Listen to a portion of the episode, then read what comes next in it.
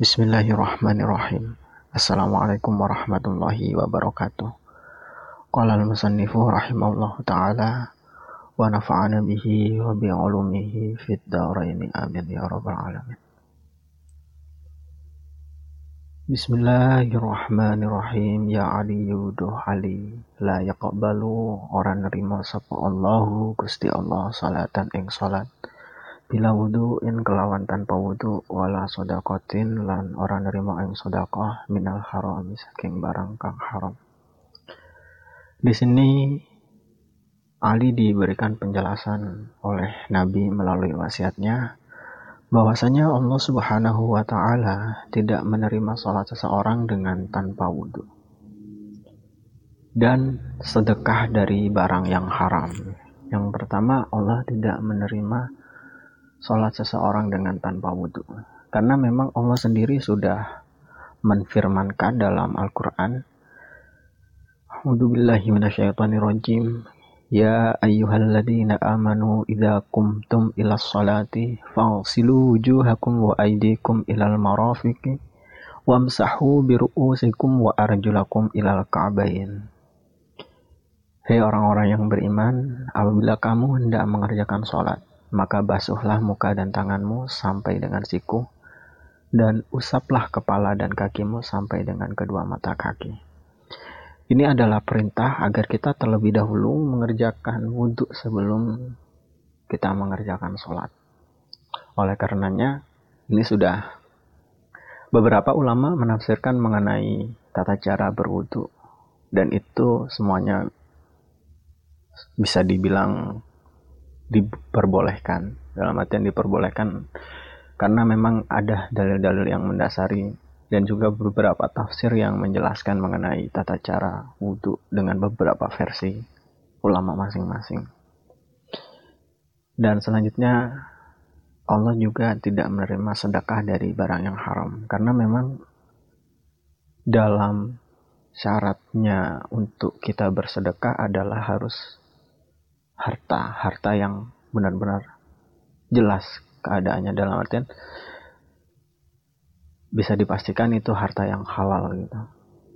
Karena hal ini juga ada ada beberapa riwayat, ada beberapa kisah yang bisa kita ambil dari sini mengenai sedekah dari barang yang haram. Waktu itu dikisahkan Sunan Kalijaga dengan Sunan Bonang.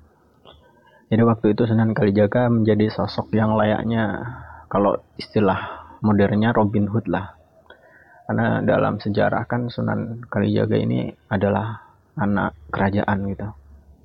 Dan Sunan Kalijaga juga merasa resah dengan keadaan desa sekitarnya karena banyak sekali orang-orang yang kelaparan.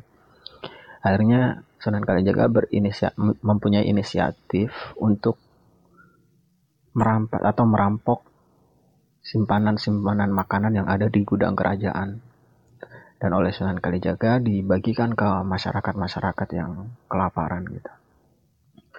Singkat cerita itu dilakukan oleh Sunan Kalijaga beberapa saat gitu. Pada puncaknya akhirnya ketika di suatu waktu ia bertemu dengan Sunan Bonang. Waktu itu Sunan Bonang datang dengan membawa tongkatnya. Dan ketika Sunan Kalijaga melihat tongkat yang dibawa oleh Sunan Bonang ini, Tahu-tahu tongkat itu berubah menjadi emas. Dan Sunan Kalijaga pun dengan inisiatif, punya inisiatif mau merampas tongkat itu. Yang nantinya ia mau bagikan ke masyarakat di desanya, di desa sekitar tempat Sunan Kalijaga tinggal.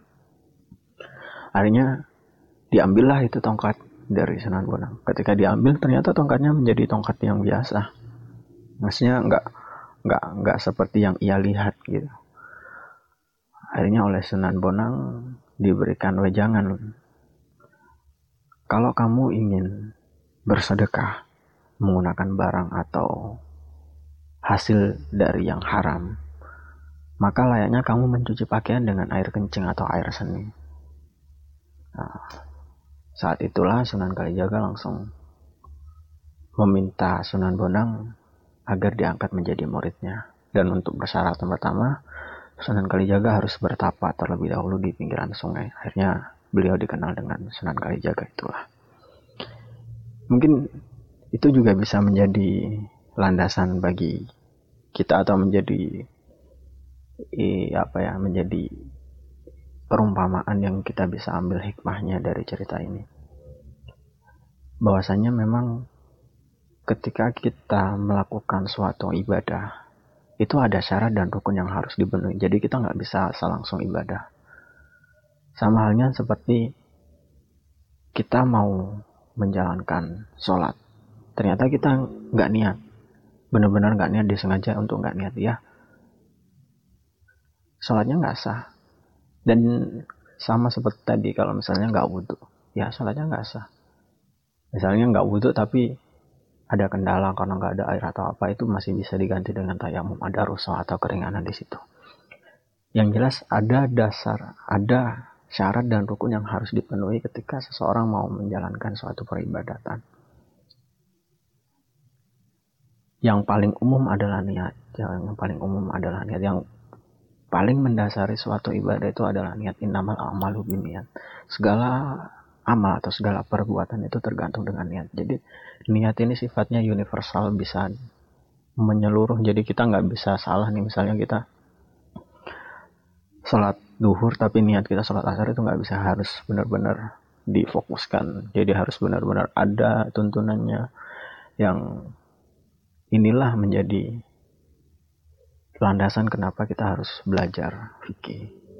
Kenapa kita harus mempelajari usul fikih dan qawaid fikih agar ke depannya kita bisa tahu landasan-landasan apa nih yang dipakai dalam suatu peribadatan. Karena gampangnya kalau kita perang kita nggak menyiapkan strategi langsung kita perang aja langsung hajar gitu yang yang terjadi kita nggak tahu nih bisa ada kemungkinan kita bisa kalah telak. Kalah telak karena kita nggak ada strategi kita asal main kayak kita main sepak bola juga. Kita harus ada strategi dulu harus ada posisi-posisi yang ditentukan terlebih dahulu. Sama seperti halnya ibadah juga harus ada kadar ada batasan ada ketentuan yang harus kita tahu terlebih dahulu agar kita ke depannya secara syar'i hal ini udah memenuhi ke depannya mengenai diterima atau tidak terima itu urusannya Allah Subhanahu Wa Taala. Yang jelas secara syari kita sudah memenuhi.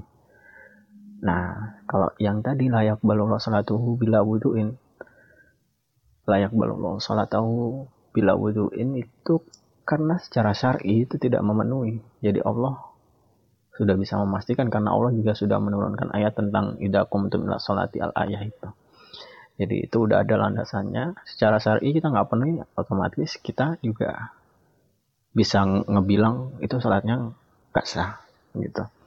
Dan kayak sedekah tadi juga ada beberapa rukun-rukun sedekah yang menjelaskan tentang hartanya harus ada harta dan untuk syarat harta sendiri itu hartanya harus halal gitu.